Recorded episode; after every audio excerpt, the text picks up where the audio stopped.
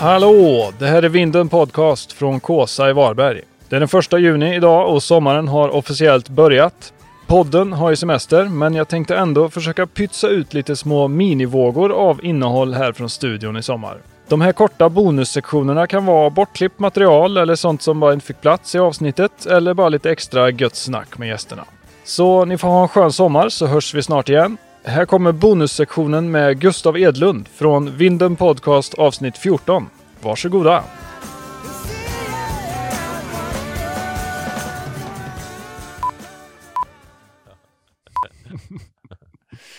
Du, eh, det var din polare som tipsade mig om att jag skulle bjuda in dig hit.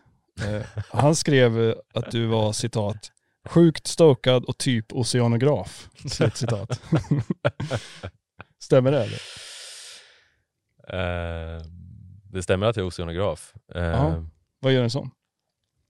eh, man, eh, man är, det är en utbildning. Man Ja. är, eh, vad gör man? Man räknar på hur havet beter sig kan man säga. Man är lite som en meteorolog fast under ytan.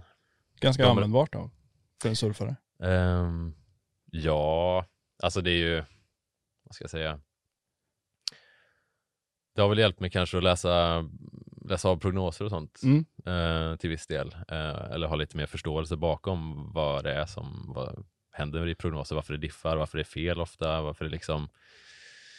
ehm, men, men det tror jag, det kan, man ju, det kan ju vem som helst också öva upp. Alltså det är ju mycket av surfing är ju att så här, titta hur, hur ser det ut på prognosen, sen ge sig ut och känna vad det är liksom. Och sen till slut har man ju byggt upp någon liksom känsla för det där. Mm. Ehm, men, men absolut, är, man har ju lite sådana nördgrejer, liksom, att man kanske har en förståelse för hur havet beter sig lite på andra sätt. Liksom, eh, Ja. mer så, alltså med fysiken bakom det och sådär. Ja. Ehm, men annars så tror jag inte det liksom, det har inte hjälpt mig med min surfteknik. Nej, eller så här, liksom, att Du kanske får fler dagar. Alltså. räkna på svängradier och sådana saker. men, Men vad använder Ja. man det till eh, i yrkeslivet då? ehm, Vågenergi, Ja, precis. Alltså, liknande? man, man kan ju jobba med Dels kan du jobba med havsrelaterade liksom, prognoser och sådär. Ja. Vågprognoser, tidvatten, eh, strömmar, eh, algblomning kan det vara med. Men då är man väl lite mer biologiskt inriktad. Men jag jobbar ju liksom på eh, med, vad ska jag säga, på så konsultuppdrag där, man, där vi räknar på, eh, på hur, alltså det kan ju vara företag som vill bygga ut en hamn. Hur ändras strömmarna om vi bygger så här? Eller hur, Ja, ja, ja. ehm, hur stora vågor måste vi dimensionera en vågbrytare för till exempel? Eller ja, sådana här saker. Så att, men det kan ju också vara som, som du säger, utvinna energi av havet eh, Mm. eller av eh, vågor eller tidvattenströmmar eller sånt. Eh, eh, eller liksom all form av konstruktion till havs behöver man ju liksom eh, dimensionera och anpassa efter hur havet beter sig just där. Liksom. Ja, så ja. Vindkraftparker eller sånt där. Så att, Men är det, Det- det är en typ av ingenjörsutbildning då? ja, det, det är en, jag har gått en naturvetenskaplig utbildning. Okej. Ehm, men eh, det snuddar väl nästan på det kan man Ja. säga. I alla fall det jag jobbar med. Så. Chalmers? Eh, nej, Nej. eh, Göteborgs universitet. Ja, okej. Ja men nice. Vad, vem, vad kollar du efter på prognoserna då? Har du några tricks? Mina hemligheter. ja. Ehm, nej, men jag kan inte säga något så här specifikt konkret, men det är väl mer så här. äh, För mig har det ju, i och med att man inte har bott så här nära som du bor, Mm. eh, surf och havet, jag har ändå fått köra liksom 45 minuter till närmsta, kanske, eller kanske lite kortare, liksom ut i skärgården i Göteborg, men eh, då vill man ju liksom inte bomköra helst. Nej. Så att det har väl mycket att göra med att man, jag tittar mycket på eh, liksom varaktighet, hur länge det har blåst i en viss riktning. Mm. För många tänker ju liksom, alltså kollar du enbart på liksom vågprognosen på DMI till exempel, då, då får du en vågstorlek liksom. Eller våghöjd och en riktning. Ehm, men det säger liksom ingenting om hur uppordnat det är, liksom hur sättigt det är, eller om det liksom, det kan ju vara att det har blåst i den riktningen bara någon timme och sen börjar vrida och sådär. Mm. Eh, så att utan att köta för mycket om det så kan väl ett tips, vara, alltså just det här med hur de här osäkra prognoserna när det ofta inte stämmer eller Ja. när det blir överskattat, det är ofta när det kommer så korta stötar, du vet, kortvarig vind från något visst håll. Och Mm. det kan vara väldigt svårt för de som sitter med prognoser att eh, uppskatta rätt eller fånga rätt. För det Ja. kan, ibland underskatta de det, ibland överskattar de det.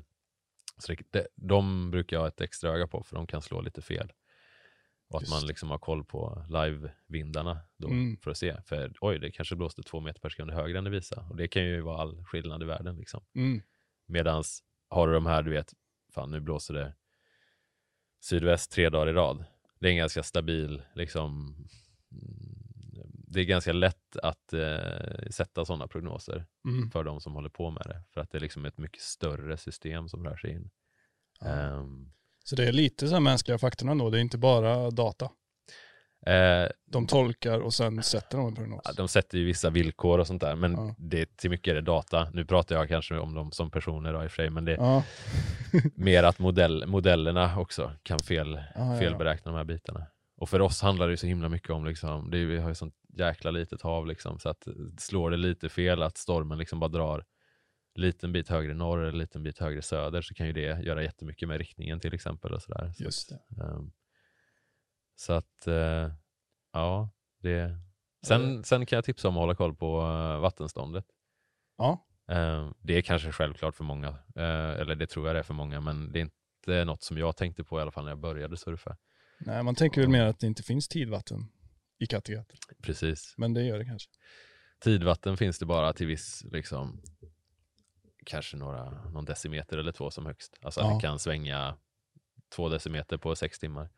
Ja, Okej. Men däremot så har du ju, alltså vattennivåerna kan ju höjas av att det trycks upp vatten mot kusten när det blåser mycket. Just det. Och beroende på vilket håll det blåser ifrån. Så att det kan ju vara en meter över ibland eh, för att det har blåst på ett visst sätt. Mm.